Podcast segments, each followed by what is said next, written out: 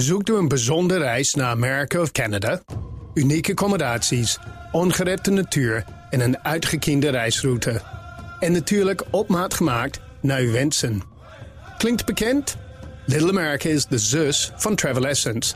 Met eigen team van reisspecialisten, maar dezelfde focus op kleinschalige reizen met hoogwaardige kwaliteit. Kijk op littleamerica.nl. Even scherp. BNR Nieuwsradio. The Big Five. Diana Matroos. Het is een cruciale week voor de wereld. Hoe ver zal Poetin gaan in zijn drang om het Russische Rijk te herstellen? Kunnen Oekraïne en het Westen zich staande houden in al dat oorlogsgeweld? Of loopt het alleen maar verder uit de hand? In BNR's Big Five van Rusland en Oekraïne spreek ik deze week met vier kopstukken om te kijken hoe het spel politiek, militair en strategisch gespeeld wordt. En vandaag doe ik dat met niemand minder dan Jaap de Hoop Scheffer, minister van Staat en voormalig secretaris generaal van de NAVO. Ontzettend fijn dat u er bent uh, vandaag weer bij ons bij dit uh, programma. En uiteraard wil ik het zo meteen ook uh, over de ambities van Poetin hebben. U heeft hem ook meerdere malen gesproken. Maar eerst twee dingen die ik heel graag wil weten. En ik vraag maar meteen op de man af zijn we beland in een derde wereldoorlog? Nee, dat zijn we niet. We zijn wel beland in de ernstigste uh, crisis uh, in Europa, op het Europese continent sinds de Tweede Wereldoorlog. Dus dat is wel een vrij forse kwalificatie, denk ik, als je die zo gebruikt. Ik uh, las een stuk in de Volkskrant, Rusland-kenner, die voor Politico een aantal stukken heeft geschreven. En die zegt: we zitten er wel in, alleen we hebben het niet door.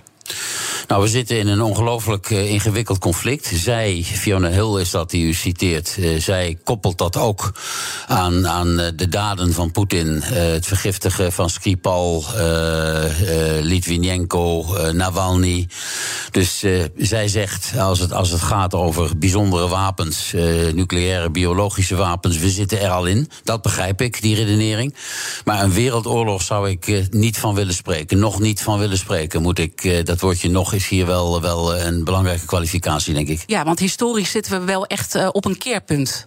Ja, ik denk dat, dat uh, uh, 24 februari een, een, een, een 9-11 moment, zoals dat politiek en menselijk ook in de Verenigde Staten altijd het geval is geweest, dat 2402 uh, ons, ons grote moment in Europa is geweest, waar de veiligheidsordening, waar u en ik mee zijn opgegroeid en vertrouwd mee zijn geraakt sinds de Tweede Wereldoorlog, uh, niet meer zo zal zijn uh, als, uh, als die was. We zitten dus nog niet in een derde wereldoorlog. Wat is er voor nodig om wel tot die kwalificatie te komen? Met andere woorden, uh, in welke fase zitten we nu van de oorlogsvoering en wanneer is het een ander, totaal ander verhaal? Op een moment dat Rusland, maar ik moet eigenlijk zeggen dat Poetin, want Poetin is Rusland en Rusland ja. is Poetin. Het Russische volk heeft evenmin behoefte aan deze vreselijke oorlog als, als wij dat hebben. Maar op het moment dat Poetin zou besluiten om uh, om het in de woorden van Joe Biden te parafraseren, één teen op een vierkante centimeter NAVO-grondgebied te zetten, bijvoorbeeld uh, in de Baltische Staten, uh, dan hebben we een, een, een, volgende fase in het conflict. Want dan komt de NAVO als geheel, als zodanig in actie, moet dan in actie komen, gezien de solidariteitsclausule, het bekende artikel 5 van het NAVO-verdrag. En dan praten we over een heel andere situatie. En dan wordt het, als ik nou op een schaal van, van 1 tot 10 uh, zou kijken naar de ernst van de situatie, zitten we nu op, op een 7,5. Maar dan gaan we dik, dik over de 9 heen. Uh, zometeen wil ik uh, uitgebreid op die rol van de NAVO ook ingaan. Maar allereerst toch ook een persoonlijke vraag. U bent zo betrokken ook bij Defensie. Hè. We hebben daar vorige keer ook uitgebreid uh, over gesproken. Raakt het u wat er nu gebeurt? Ja, het raakt, het raakt me zeker. Ik denk dat dat met vele mensen zo zal zijn. Ik kan me slecht concentreren op andere dingen. Ik ook, ja. en, u, en, en u ook. Je, je, je volgt het nieuws zo goed, zo goed als mogelijk. Via nationale, ook via internationale media. u besteedt er een uitzending aan. Ik word er permanent over, over bevraagd. Uh, dus het, het, het, ja, het, domineert, het domineert je dag. En dat, dat geldt voor mij, maar dat geldt voor mijn echtgenote precies hetzelfde. Die heeft dat ook. Die, die geeft les, moet lesgeven, Frans, Nederlands. Maar die zegt ook, ja, lastig om, om te concentreren... Ja. en achter mijn schermpje te gaan zitten alsof er niets aan de hand is in de wereld. Vooral als je die honderdduizenden mensen ziet. En dan met name, dat maakt natuurlijk extra wrang, moeders met kinderen. Want die mannen die zijn achtergebleven, moeten achterblijven om te vechten. Als je die gigantische vluchtelingenstroom ziet De zon schijnt dan weer bij mij in, in, mijn, in mijn hoofd op het moment dat ik zie hoe landen als Polen, Hongarije, Slowakije, Moldavië en later ook wij hier in, in, in Nederland en in dit deel van, van Europa, het rustige deel van Europa, solidair zijn met die mensen en ze proberen op te vangen. Dat, is, dat vind ik dan wel weer een, een hele grote plus. Er zijn ook lichtpuntjes. Ja, als we dan even kijken wat, wat mij gewoon ontzettend fascineert. Uh, twee weken geleden hebben wij ook nog bij de Big Five heb ik een week over oorlog en vrede gemaakt. Uh, echte top-experts ook gesproken. En niemand had het gevoel dat uh, Oekraïne ingevallen zou worden. nu hebben we een totaal andere situatie. We hebben een oorlog. Hoe kan het nou dat alle experts dit zo hebben onderschat? Nou, ik, ik, ik schaar mezelf ook uh, nederig bij die, bij die experts. Omdat ik ook niet had gedacht dat deze massale invasie, deze massale interventie van, van Poetin uh, zou plaatsvinden in, in Oekraïne. we moeten er wel bij zeggen dat Joe Biden, de Amerikaanse president, in die zin gelijk heeft gekregen dat hij enkele weken voor de actuele inval materiaal van zijn inlichtingendiensten liet lekken, bewust liet lekken. onder de boodschap Poetin, we hebben precies in de waar jij mee bezig bent. Dus de diensten hebben het nu wel zien aankomen. Die zagen het in Kabul niet aankomen, dat de Taliban het daar zou overnemen. Daar, daar was het, uh, laten we zeggen, de andere kant van de medaille. Vervolgens geloofden we het hier allemaal niet van. Ja, we kunnen die nee, beelden we, we niet, niet. Ja. Nee, en, en, en hier, eh, zeg ik met alle andere experts tussen aanhalingstekens... De, deze, deze massale uh, invasie had ik niet zien aankomen. Ook al moet je achteraf, met de kennis van nu, makkelijk, maar ook in mijn bijzijn, heeft Poetin meer dan één keer gezegd: Oekraïne, dat is helemaal geen land, dat is helemaal geen staat, dat is een, dat is een stuk land. Ja. Just a territory. En dat hoort in de, in, zoals, zoals Vladimir Poetin de kaart van Europa tekent, is dat gewoon onderdeel van Rusland. Onzin, Oekraïne, aparte staat. Daarmee verdraait hij die historie, maar dat, dat, dat interesseert hem niet. Ja, laten we dan even teruggaan naar dat uh, belangrijke moment, ook uh, wat u heeft meegemaakt, uh, vanuit uw rol, ook als secretaris-generaal van de NAVO. Overigens heeft u hem ook meerdere keren ontmoet uh, toen u minister van Buitenlandse Zaken was. Hè, in de zaak Arjan, e Arjan Elko. Komt bijna even niet uit mijn woorden. Uh, allereerst, wat voor man is het? Wat, wat is uw indruk van hem toen u met hem sprak? Nou, mijn indruk was uh, dat, dat het een, een, een enorm gedreven man is. Dat Russische Rijk, dat heeft hij altijd teruggewild. Sinds de muur viel en hij gefrustreerd raakte over de teleurgang van de, van de, van de Sovjet-Unie. De, de, de, grootste geopolitieke catastrofe van de 20e eeuw. Moet je eens kijken hoeveel miljoen Russen er in de Tweede Wereldoorlog zijn gesneuveld. Maar dat, dat vond hij, daar stortte zijn wereld in elkaar. En dat wereldbeeld heeft zijn handelen altijd bepaald. Maar, zeg ik erbij, zoals ik hem mij herinner uh, uit de gesprekken, inderdaad eerst als minister, later ook als secretaris-generaal, was, was hij, uh, laten we zeggen, die gedreven Poetin die dat wilde. Maar hij was, mag ik het zo formuleren, redelijk rationeel. Uh, we wisten wat hij wilde, uh, maar we wisten, we wisten ook, althans ik dacht toen te weten, mm -hmm. dat gaat hij niet uitvoeren. Dat doet hij dus nu wel. Ik vrees dat we nu in een situatie zijn dat, dat die redelijk rationele Poetin, kil en koud was hij altijd in de, in de contacten als, als persoon, maar dat doet er nou eh, even niet toe hij in, in zijn hoofd heeft die, die redelijke rationaliteit plaatsgemaakt voor rancune, voor, voor revanchisme. Ik wil mij revancheren, uh, revisionisme. Nou, mm -hmm. welk woordje er ook opplakt. Nukkig, wrokkig, vol met wraakgevoelens. Uh, en dat drijft hem op dit moment. Ja. En daarmee is hij onvoorspelbaar en dus gevaarlijk als leider van een, van een groot land, een belangrijk land, met kernwapens. Denkt u dat hij het zou kunnen doen op die. Want dat is natuurlijk waar we allemaal vreselijk angstig voor zijn: die rode knop indrukken. Ik denk niet dat hij dat zal doen. Ik denk dat hij, uh, en dat was vind ik met u buitengewoon ernstig. Uh, hij heeft nu twee keer met, met het kernwapen gedreigd. Eerst om tegen het, door tegen het Westen te zeggen: Denk erom, vrienden, als jullie hiermee gaan bemoeien met Oekraïne, dan zul je consequenties ervaren die je nog nooit hebt ervaren. Dat is een onverhulde verwijzing. En hij heeft twee dagen later, afgelopen zondag uit mijn hoofd gezegd, heeft hij de, de, de status, de gereedheidsstatus van het Russische kernwapen verhoogd. Nou zijn daar als ik me goed heb laten informeren, vier gradaties van, van, van, van alert status. Dus van, van mm hoe zeg je dat? gereedheidsstatus. en men, men zegt mij dat die van één, de standaard, naar, naar, naar twee is gegaan. Los, los even van die techniek. Het is buitengewoon ernstig dat hij daarmee dreigt. Ik, ik, zie, nog, ik zie niet. Dat het gebeurt? Nee, nee dat, dat, dat Want zie wat zou hem uh, uh, tegenhouden? Hè? Want we zien natuurlijk ook uh, de mensen om hem heen. dat dat ontzettend boeiende beeld eigenlijk. Ja, boeiend, dan klinkt het bijna alsof het iets moois is. maar hè, waar je hem zag zitten met zijn staf. Waar hij die hogere paraatheid aankondigt. En die zaten echt een beetje erbij. Oké. Ja, die mensen zaten erbij met gezichten alsof ze, laten we zeggen, vijf minuten na die bijeenkomst zouden worden opgehangen. zo, zo zaten ze erbij. het was een, een, natuurlijk een volstrekt geregistreerd toneelstukje. Uh, maar daar, daar zag je wel aan uh, hoe hij zijn positie zelf inschat. Want hij kat daar ook zijn, zijn buitenlandse inlichtingenchef kat hij af voor het oog van de wereld. Want die beelden zijn natuurlijk bedoeld om de hele mhm. wereld rond te gaan. En om zijn positie te onderstrepen. Wat er, wat er in die kleine kring, die hele kleine kring rond, rond Poetin gebeurt. Uh, ik denk dat niemand dat precies weet. ik heb alleen niet de indruk dat die dreiging met, met de paraatheidsstatus van, van, van, van de kernwapens. dat dat een voorpost of een voorbode is van de inzet van die wapens. Want Poetin, in al zijn wrokkigheid en, ran, en rancune, weet wel dat als hij dat, dat ultieme vreselijke wapen zou gebruiken. Eh, dat dat ook zijn einde betekent. The Big Five. Diana Matroos. Mijn gast is Jaap de Hoop Scheffer, voormalig secretaris-generaal van de NAVO, het politieke en militaire bondgenootschap. Uh, als we even kijken wat er nu allemaal uh, last minute uh, is gebeurd. Vannacht hebben we natuurlijk de eerste State of the Union gehad van president Biden. En hij noemde Poetin een dictator. Bent u het met hem eens? Ja, ben ik het mee eens. Hij, hij is in, in de recente maanden, jaar opgeschoven van een autocraat naar een dictator. Wat, wat een dictator ook doet, dat is de geschiedenis uitgummen. Hij heeft Memorial, uh, die organisatie die zich bezighield met de Russische geschiedenis, met de gulag van Stalin. Miljoenen mensen om, omgekomen. Dat gumt hij uit. Uh, daar mag niet meer over, over gepraat worden, omdat dat niet past in de filosofie van de dictator van het grote Russische Rijk.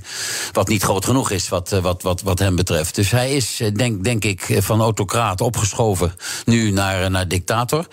Maar wat dat betekent voor zijn machtspositie op de lange termijn, ik zeg nogmaals dat is ontzettend moeilijk eh, in te schatten. In de Koude Oorlog was het niet, al, niet altijd makkelijk, zeer moeilijk om, om Kremlin-watcher te zijn. Mm wat, wat gebeurt daar? Ik laat mij vertellen door sommige bronnen uh, van mij in, in Oekraïne dat hij niet in, in Rusland zit, maar dat hij achter de Oeral zit in, in, in Siberië. Al, allemaal. Uh, uh, nou ja, en dat hij zich ook heel lang heeft geïsoleerd uit angst voor corona. Ja. Dus dat hij.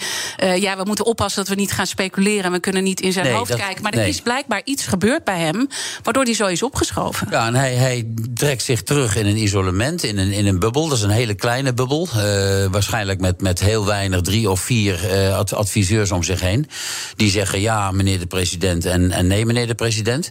En dat is buitengewoon riskant. Ik weet uit ervaring dat iedere leider uh, op die positie zit, zit, in een soort bubbel. Iedere leider moet oppassen dat, dat, dat je niet vervreemdt van de wereld. Ik zeg het uit eigen ervaring. Ik heb het, ik heb het risico ook gelopen. Mm -hmm. Ik hoop dat het over is. Maar dat, dat is zo. En dat geldt voor hem natuurlijk in, in, in verhevigde mate. hij zit ook in een, in, een, in een oorlog waarin hij geen middel schuwt. Waarin hij oorlogsmisdaden pleegt. Althans, als ik die beelden zie, dan denk ik dat dat oorlogsmisdaden zijn. en dan kom je dus in een fase dat je, dat je alleen maar je eigen gelijk wil versterken. Mm -hmm. uh, nou, ik heb het dus idee dus dat hij in die fase zit. Hij is een oorlogsmisdadiger. Want op de achtergrond speelt natuurlijk ook het internationaal strafhof. Biden zegt een dictator. Maar u zou oh ja, daar oorlogsmisdadiger aan toe willen voegen? Of, of, of hij oorlogsmisdadiger is, bepaalt uiteindelijk de rechter. Hoewel Rusland, zoals u weet, geen partij is bij het, bij mm -hmm. het mhm. strafhof hier in, hier in Den Haag. Maar als ik zie de beelden dat, dat er raketten worden geschoten in, in, in civiele gebouwen. Nu vannacht weer in, in Kharkov. Uh, uh, als ik zie wat er met, met Kiev zou kunnen gebeuren. Als dat enorme konvooi, wat nu kennelijk stilstaat, verder oprukt. en die stad op zijn eeuws omsingeld zou worden en uitgehongerd zou worden, letterlijk. Nou, dat kennen we uit de geschiedenisboekjes van de middeleeuwen. Dan, zou, dan kwalificeert dat in mijn opvatting als een oorlogsmisdaad. Ja. Maar nogmaals, de rechter maakt dat uiteindelijk in, in, in, in laatste instantie uit. Ja, en de NAVO heeft daar natuurlijk ook een belangrijke rol. Wat er uiteindelijk gaat gebeuren, dat komt straks uh, aan bod. Toch wil ik even, hoe moeilijk dat ook is, want het is heel erg makkelijk om ook vanuit onze westerse bril uh, allerlei dingen te vinden. Ook hoe Rusland dat doet en hoe Poetin dat doet. Maar als we even teruggaan naar zijn drijfveren, waar die eigenlijk begonnen zijn. U benoemde het al eventjes. Een belangrijk moment was dat uh, moment in 2007. Wat gebeurde er toen? U was daarbij, Merkel was daarbij, Sarkozy was daarbij. Ja, 2007 begint het. Uh, wat, wat mij betreft, ik zat er inderdaad op een van de eerste rijen. Uh, kanselier Merkel was daar. Daar hield Poetin een speech in München, die bekende veiligheidsconferentie, die een paar weken geleden weer is gehouden. En, en daar zette hij in feite uiteen hoe de kaart van Europa er in zijn visie uit zou moeten zien. Uh, waar die, waar die nu mee bezig is. Nou, dan krijg je na 2007, daar schrokken wij allemaal van. Ik herinner me dat. Die conferentie werd alleen maar beheerst verder door zijn speech. 2008 ontstaat er binnen de NAVO enorm gedoe over de tekst van het communiqué. Wat moeten we met Oekraïne en Georgië? Het ging toen om Oekraïne en Georgië. En u was die... toen secretaris-generaal? Ik was secretaris-generaal. Ik, ik, zat mid, dus midden in dat politieke, politieke gevecht. Ik herhaal wat ik eerder zei. Je bent in zo'n gevecht eh, tussen eh, president Bush enerzijds en Merkel en Sarkozy, Franse president, anderzijds. Ben je meer secretaris dan generaal. Uh, al klinkt secretaris-generaal natuurlijk deftiger uh, en indrukwekkender. Daar kwam uit, na een enorm, na een nacht lang door onderhandelen en praten. Zij zullen lid van de NAVO worden. Zij, Oekraïne en, en, en Georgië. Zonder tijdshorizon. Dat was het compromis. Sint-Juttemus zeggen mm -hmm. wij in het, in het Nederlands. When pigs fly, zeggen de Engelsen ja. zo mooi. Als varkens vliegen. Nou, die, die tekst uh, uh, stond in het communiqué. De volgende morgen ontmoette ik Poetin voor een, voor een bilateraal gesprek. Met één of twee medewerkers erbij. Lavrov zat daarbij, minister van Buitenlandse Zaken. En het eerste dat Poetin tegen mij zei van... secretaris-generaal, u, zult, u zult begrijpen, dit gaat niet door. En ik dacht, nou ja, ik, ik stel een wedervraag. Uh, wat, wat bedoelt u, meneer de president? Hij was in dat jaar geloof ik ook nog eerste minister geweest. Maar goed, mm -hmm. doet, er, doet er verder niet toe. En toen zei hij, ik neem aan dat jullie je eigen communiqué hebben gelezen. Ja. Nou, nou is die tekst achteraf uh, zeer relevant gemaakt. Dat is hij niet, want Poetin had iedere tekst aangegrepen, wat mij betreft. Ieder haakje aangegrepen. Om daar zijn, zijn acties aan op te hangen. Maar april 2008 deze tekst. Augustus 2008 valt hij Georgië binnen. Pikt hij twee stukken van Georgië in, Abhazie en Zuid-Ossetië. Uh, nou ja, en dan, dan zet de lijn zich voort naar 2014, uh, de Krim, uh, Maidan-revolutie in, in Oekraïne zelf. Donetsk, Luhansk, Donbass, Oost-Oekraïne. Daar, daar zit natuurlijk een, een, een lijn in zijn denken. In het opnieuw tekenen van die kaart die hij figuurlijk ja. op zijn knieën heeft dus liggen. hij is eigenlijk heel helder geweest hij toen. Is, hij is in zijn ambitie buitengewoon consistent. Uh, alleen, nogmaals, niemand had verwacht, ook ik niet, uh, zelfs niet na de invasie in Georgië, zelfs niet naar Donbass, dat hij, dat hij nu zou doen wat hij, wat, gaan doen wat die Oekraïne aandoet. Ja, terwijl hij toch heel duidelijk heeft gezegd, volgens mij waren de letterlijke woorden uh, richting u: This will not be. He? Ja, zo, zo, herinner ik mij zijn uitspraak inderdaad, ja. Ja, en uh, dat geeft dan ook een heel duidelijke rode lijn aan. En u verbindt nu ook die tijdsmomenten. We hebben natuurlijk ook nog de MH17-ramp ja. uh, vervolgens ja. gekregen. Dus we hebben ook wel weer heel veel signalen gekregen... dat hij gewoon heel doelgericht die plannen aan het uitvoeren is. Ja, de, de vraag is alleen, uh, dan, dan uh, als, je, als je dat constateert, en uw constatering en de mijne, want ik ben het daarmee eens, heb ik net gezegd, is juist, dan, dan is dus de vraag, uh, wat doe je daaraan? Je, je kunt, je kunt Oekra Oekraïne in, in zo'n politiek proces niet in de steek laten. Wat is er dus gebeurd? Ondanks het feit dat in, in, in, Nederland op een, op een provinciaalse manier verzet is gevoerd. De Europese Unie heeft een associatieakkoord met Oekraïne gesloten terecht en volstrekt juist. Ik denk dat Poetin de Europese Unie meer vreest dan de NAVO. Want de Europese Unie brengt democratie uh, uh, dicht tegen zijn grenzen, vrijheid van meningsuiting. En daar, daar, gruwelt, daar gruwelt hij van. Want ja. dat gaat dan zijn regime infecteren, gaat zijn regime aantasten. Dus hij is banger voor de Europese Unie dan voor, uh, dan voor de NAVO. Binnen de NAVO was het duidelijk, om terug te komen op die, die consistente lijn waar u mij terecht over bevraagt. Uh, als je op de NAVO uh, uh, terugkomt, dan is van het begin af aan duidelijk geweest dat de NAVO geen oorlog gaat voeren met Rusland om Oekraïne. Dat doen we nu niet, maar dat deden we in, de, in de afgelopen jaren deden we dat ook niet. En Poetin weet dat donders goed. Ja. Daarom is hij, is hij onwaarachtig door te zeggen in zijn propaganda: de NAVO wil ons geen sprake van. Ja, uh, dan is toch denk ik de kettingvraag heel mooi om te stellen. Want uh, gisteren sprak ik met Peter Weiniga. Hij is militair strateeg en verbonden aan het Den Haag Centrum voor Strategische Studies. En hij had deze vraag voor u. Nou, we zien dat dit zo langzamerhand beweegt in een grote uh, slachting, mogelijk wel. Waardoor er een, waarschijnlijk een heel groot humanitair probleem gaat ontstaan. Um, grote stromen van vluchtelingen, grote aantallen slachtoffers, ook onder de burgerbevolking. Um, als dit lang duurt, dan ben ik benieuwd, um, en dat zou ik van hem willen weten, of hij uh, voorziet dat er een situatie kan ontstaan waarin Europese parlementen uh, van NAVO-landen um, gaan bewegen in de zin van moet de NAVO niet toch iets gaan doen? Ik denk dat het antwoord op de vraag uh, uh, is uh, dat ik dat niet voorzie en niet verwacht. zolang althans, dat, dat is een belangrijke kwalificatie, zolang althans Vladimir Poetin niet een de spreekwoordelijke teen zet op NAVO-grondgebied. Ja, en als we dan toch even teruggaan in de geschiedenis, even kijken naar Kosovo. toen is dat wel gebeurd. Toen is dat wel gebeurd uh, uh, om een dreigende uh, genocide te voorkomen. maar dan zeg ik daar meteen bij: Servië is een andere tegenstander dan Rusland.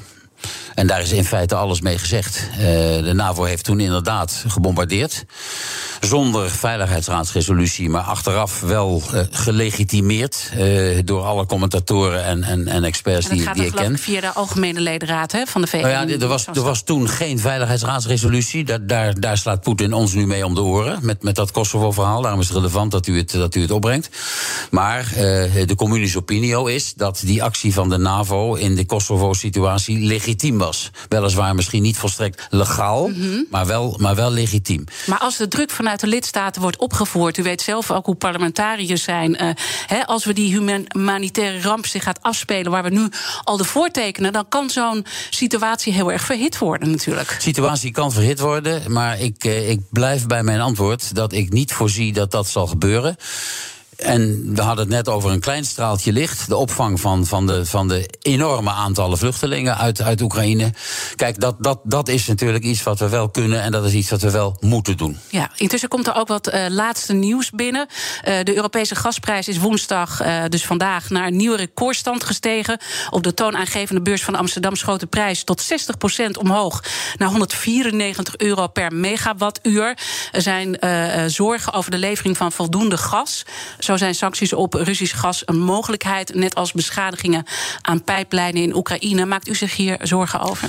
Ja, die gasleveranties uit Rusland gaan, wat, wat mijn laatste nieuws betreft, nog altijd door. Het kan natuurlijk zijn dat Poetin op een bepaald moment een tegenzet doet en, ze, en de gastoevoer naar Europa afsluit. Nou, dan, hebben, dan is het Houston, we have a big problem. Uh, dan hebben we een groot probleem in, in Europa.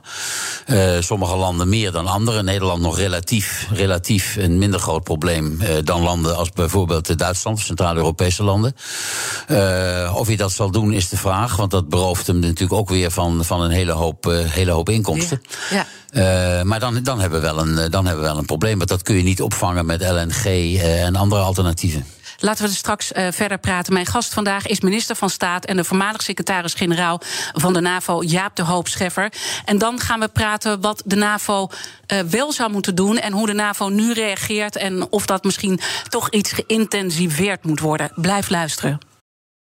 Zoekt u een bijzondere reis naar Amerika of Canada? Unieke accommodaties, ongerepte natuur en een uitgekiende reisroute. En natuurlijk op maat gemaakt naar uw wensen. Klinkt bekend? Little America is de zus van Travel Essence. Met eigen team van reisspecialisten, maar dezelfde focus op kleinschalige reizen met hoogwaardige kwaliteit. Kijk op littleamerica.nl. Scherp. BNR Nieuwsradio. The Big Five. Diana Matroos. Welkom bij het tweede half uur. Deze week spreek ik met vier kopstukken over het conflict, of de oorlog moet ik zeggen, in Oekraïne. Eerder deze week sprak ik met Peter Weininga over de militaire strategie eh, die Rusland op dit moment voert. En dat gesprek is terug te luisteren via onze BNR-app. Mijn gast vandaag is Jaap de Hoop Scheffer. Hij is minister van Staat en voormalig secretaris-generaal van de NAVO. Komend half uur wil ik in ieder geval nog twee onderwerpen met u bespreken. Uh, namelijk onze militaire afhankelijkheid van Amerika en ook welke rol China speelt in het hele verhaal. Die zich opeens als bemiddelaar uh, heeft gepresenteerd. En over uh, de positie van Europa en de NAVO in deze oorlog. Uh, ik wil met dat punt beginnen, maar wel nog even afmaken waar we net mee bezig waren. Namelijk de drijfveren van Poetin. En nou ja, dat hij ook de geschiedenis op bepaalde punten vervalst. Maar heeft hij ook ergens een punt? Want ik probeer toch altijd even die bril dan van Poetin met alle moeite die we daar allemaal mee uh, hebben, toch op te zetten om te kijken waar heeft hij wel een punt. Nou, waar hij, eh, waar hij een punt heeft, maar dat is ook tegelijkertijd weer uh, waarom wat, wat nu gebeurt zo merkwaardig is. Het, het, zijn broedervolken. En in Poetins beleving is het, is het één volk. Hij beroept zich dan op Kiev van Roes, 989 na Christus, ik mijn hoofd gezegd. Toen de toenmalige leider van, het, van dat gebied, dat heette geen, heette geen Oekraïne, zich tot het christendom bekeerde. Dat gebruikt hij vaak. Poetin gebruikte ook de Russisch-Orthodoxe Kerk als instrument van zijn buitenlands beleid. Die benoemt patriarchen in dat nabije buitenland, zoals hij dat noemt, near abroad in het Engels, waar hij dominantie wil hebben. Niet alleen in Oekraïne. Oekraïne is daar de hoofdprijs, maar dat geldt ook voor Moldavië, geldt voor Georgië, geldt voor Belarus. -hmm. Lukashenko zit al in de binnenzak van, van, van Poetin. Dus daar gebruikt hij ook de kerk voor. En grijpt in de, in de verhouding dan terug uh, op, op 989 na Christus. Uh, wat hij er niet bij zegt, uh, dat is dat Rusland toen nog helemaal niet bestond. in, in, in, in welke vorm dan ook. Dus als je Poetin van repliek wil dienen, kun je zeggen: Oekraïne, al heette het toen niet zo, is ouder dan Rusland. Ja, maar tegelijkertijd hebben wij natuurlijk wel rond de Koude Oorlog bepaalde afspraken gemaakt over de NAVO over uh, nou ja, de Europese Unie. En het gaat natuurlijk wel heel snel, die hele uitbreiding. Ik bedoel, die, die, die landen willen dat ook. Uh, maar ik uh, snap ook wel dat hij denkt: wat gebeurt er allemaal om me heen?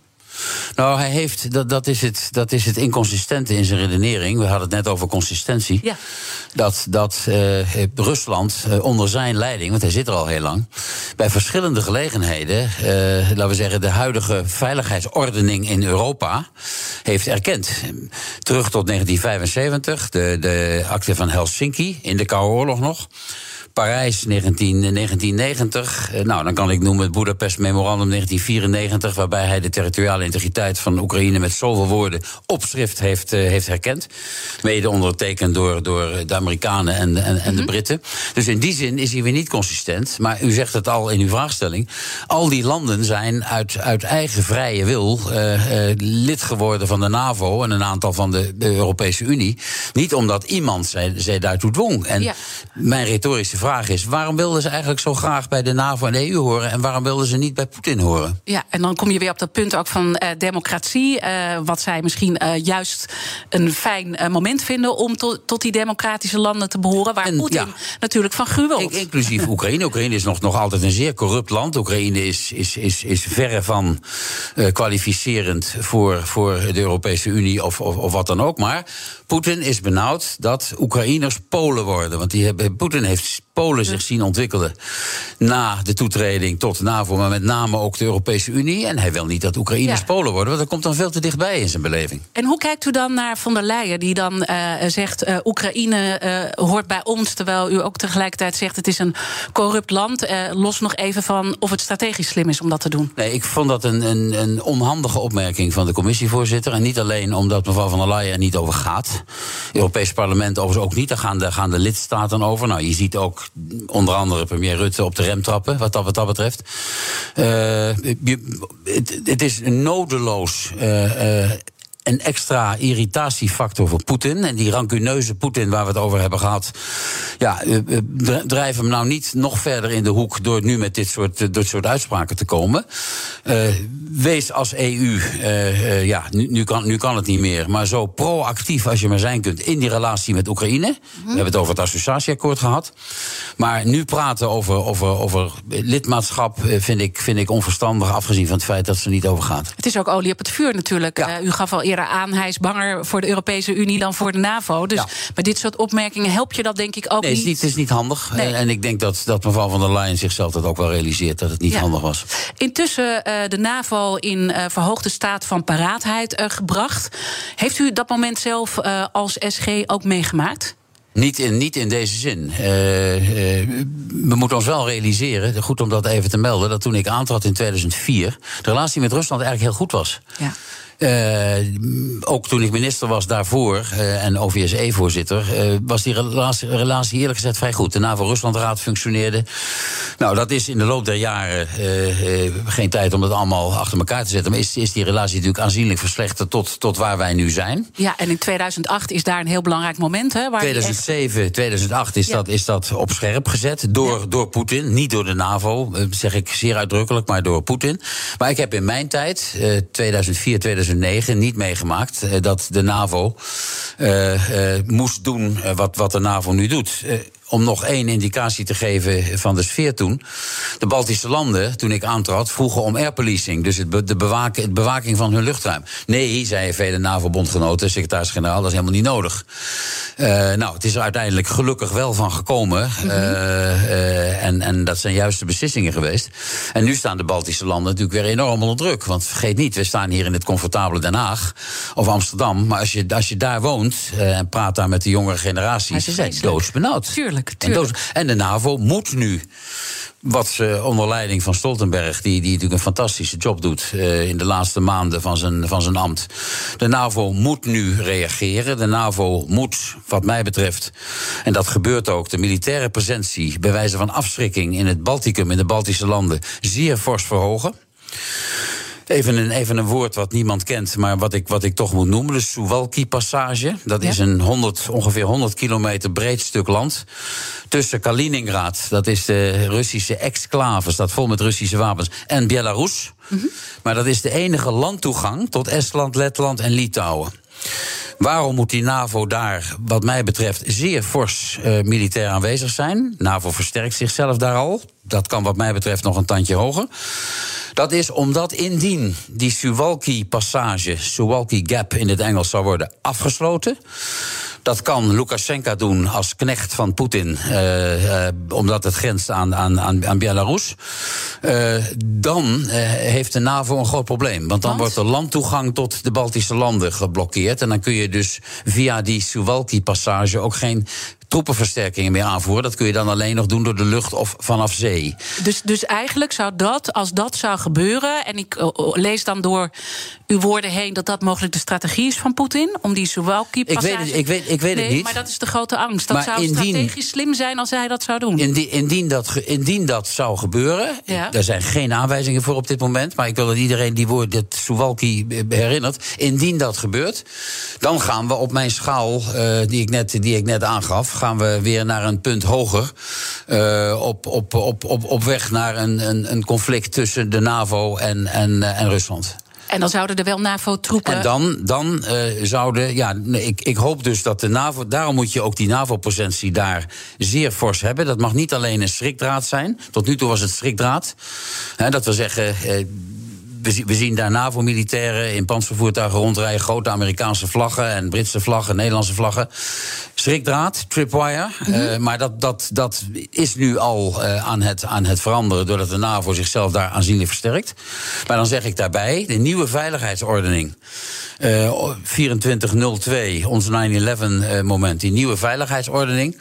zal dit soort vraagstukken bovenaan de agenda moeten hebben in Europa. Want op het moment dat Poetin, ik, zeg het nu wat ondiplomatiek, de, de hemel verhoede dat, maar, maar Oekraïne oprolt, of een deel van Oekraïne oprolt, eh, dan komen er allerlei NAVO-lidstaten, uh, die, die, die worden grenslanden uh, van Rusland, de mhm. facto, als het Oekraïne heeft ingelijfd. Tussen aanhalingstekens zeg ik daarbij. Nou, dan eh, is, is, is dat gebied buitengewoon kwetsbaar. Uh, en wij moeten daar nu al rekening mee houden. Ja, en ik, uh, als u dan zegt, uh, we moeten daar nu rekening mee houden. U heeft natuurlijk nog heel veel contacten in die wereld. Wordt daar nu achter de schermen zeker. bij de NAVO over gesproken? Ja, zeker, absoluut. En, en we hebben de Nederlandse luchtmobiele brigade is gaan oefenen in Roemenië. Ook kwetsbaar. Die hele oostflank van de NAVO verandert totaal van aanzien na deze oorlog in Oekraïne. Ja. Uh, en dat, dat vereist aanpassing. NAVO moet een nieuw strategisch concept accorderen in juni op een top in Madrid. Nou, dat moet ook worden herschreven voor een, voor een, voor een deel. Want ja, hadden we hier een half jaar geleden gestaan, dan hadden we het gehad over de verhouding Amerika-China. Uh, gaan we het zo nog wel over hebben? Gaan we, nog, gaan, we het zo, gaan we het zo ook nog over hebben. Maar, maar niet over, over zo'n gigantische crisis. En dan denk ik toch, uh, u wijst altijd heel scherp: de NAVO is een, niet alleen een militair bondgenootschap, maar ook een politiek bondgenootschap. En dat politieke is misschien, uh, we zijn misschien nu eensgezinder dan ooit, hè, uh, maar ergens daaronder zit natuurlijk wel verdeeldheid. Hoe moeilijk gaat dat worden voor de NAVO om met een eensluidend antwoord te komen op het moment dat er waar dan ook, of het nou die Suwalku-passage is, of toch een kernwapen wat hij ergens in een oceaan afschiet, wat, wat er moet gebeuren? Nou, hoe, hoe, groter, hoe groter de crisis, uh, hoe beter de solidariteit. En als ik zeg NAVO-solidariteit, ik betrek daar Zweden en Finland bij, hè? Mm -hmm. Want Zweden en Finland, die zitten, die zitten, uh, daar was nooit een meerderheid voor, voor lidmaatschap van de NAVO. Nou, in Finland is er nu wel een meerderheid, in Zweden nog niet. Ze waren uitgenodigd bij het hoogste niveau politieke overleg, staatshoofden, regeringsleiders, vorige week. Terecht.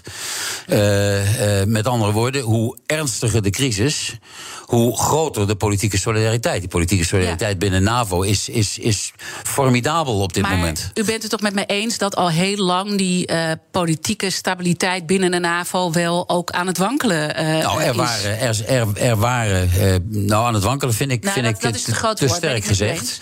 Maar er waren uiteraard in, binnen, binnen 30 NAVO-landen waren, er zijn, waren en zijn er politieke meningsverschillen. Bijvoorbeeld over de houding vis-à-vis -vis Rusland. Hebben we het ook aan deze tafel wel eens over gehad. Ja. Maar nu uh, hoor je niet van Italië, uh, van, van Griekenland, van Spanje, van, van zuidelijke landen, van meneer Orbán in Hongarije, grote vriend van Poetin. Nee, die schaart zich nu politiek heel duidelijk in het politiek solidaire NAVO-kamp. Dus Poetin heeft één ding bereikt waar ik hem, voor, uh, waar ik hem applaus ja. voor geef. En dat is grote solidariteit. Kijk naar de enorme stappen die de Europese Unie gemaakt heeft. Ja. Ondenkbaar zonder zo'n crisis. Ja, Duitsland en die gigantisch heeft uh, geïnvesteerd een, een, een breuk, een, een, een, een breuk met de geschiedenis van Duitsland sinds de Tweede Wereldoorlog. Een totale breuk. Zoekt u een bijzondere reis naar Amerika of Canada? Unieke accommodaties, ongerepte natuur en een uitgekiende reisroute. En natuurlijk op maat gemaakt naar uw wensen. Klinkt bekend? Little America is de zus van Travel Essence. Met eigen team van reisspecialisten, maar dezelfde focus op kleinschalige reizen met hoogwaardige kwaliteit. Kijk op littleamerica.nl. BNR Nieuwsradio. The Big Five. Diana Matroos. Je luistert naar BNR's Big Five van Rusland en Oekraïne. Morgen dan praat ik met Leo Lucas. Hij is hoogleraar arbeids- en migratiegeschiedenis. En natuurlijk ga ik met hem hebben over de enorme vluchtelingenstroom... die nu vanuit Oekraïne op gang komt.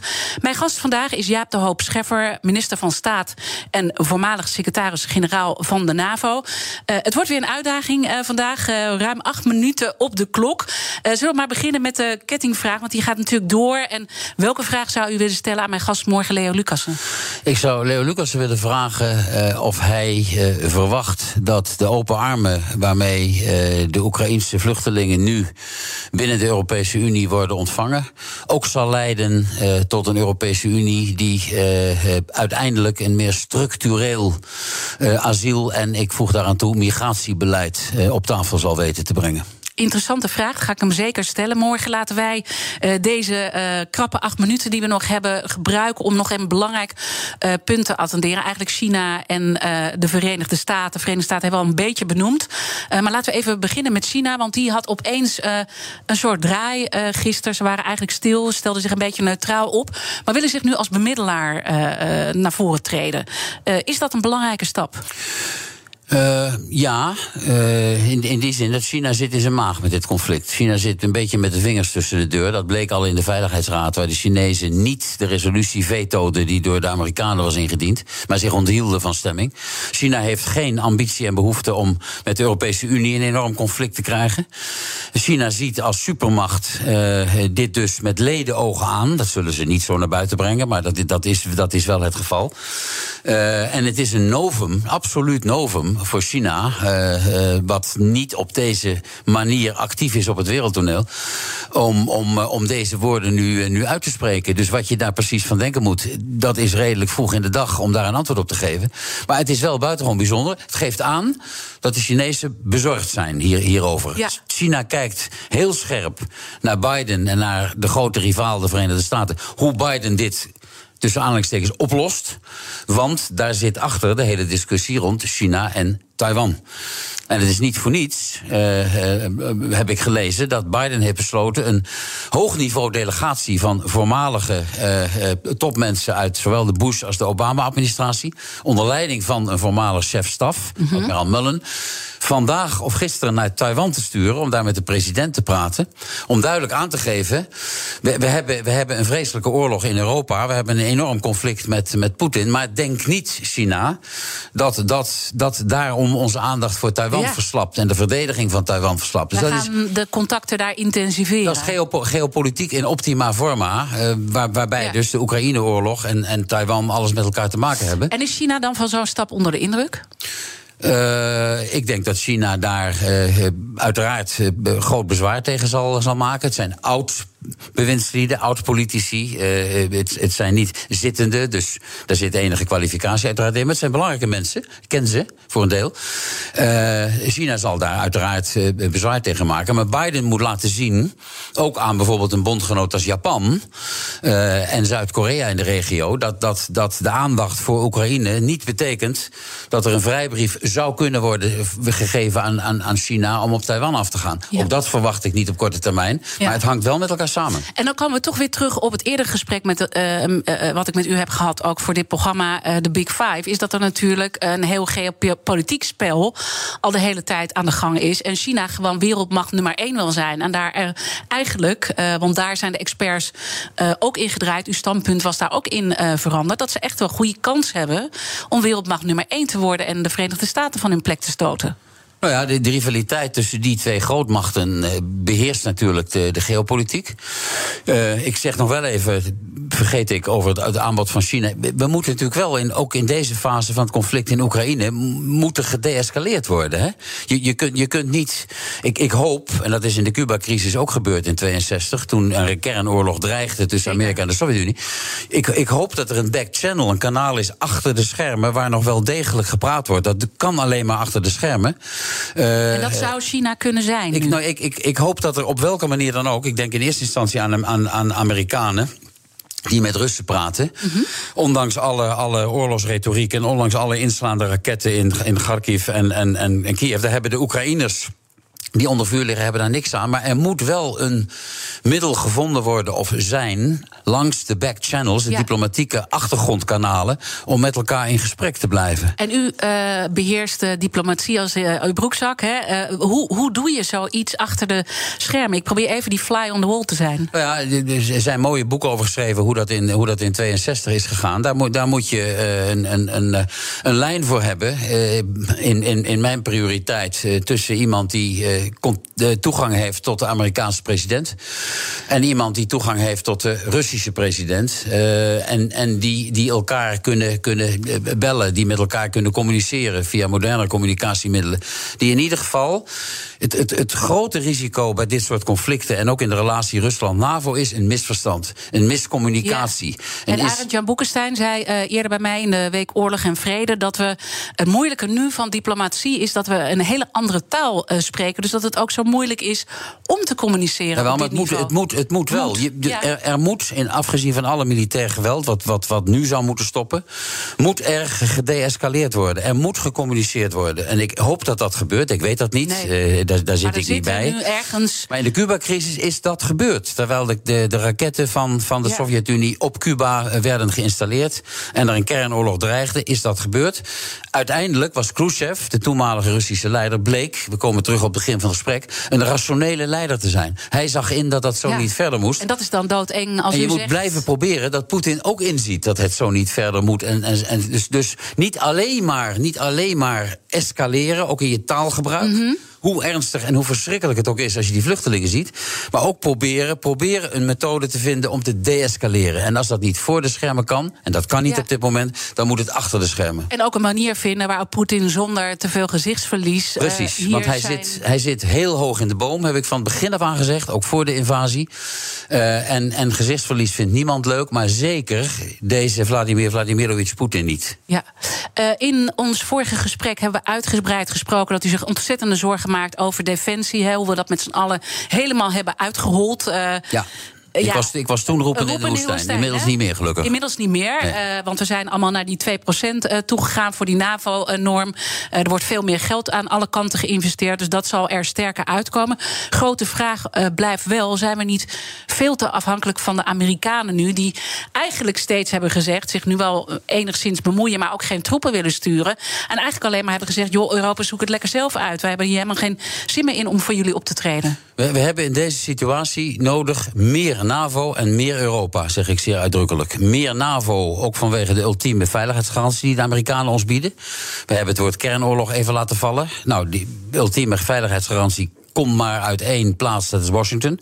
Amerika blijft in mijn ogen het land wat de boel bij elkaar houdt en moet houden. Maar, zeg ik daar meteen bij, dit is ook een, een hele ernstige wake-up call voor Europa, voor ons Europeanen. eh, eh, financieel, eh, zegt u terecht in uw vraag.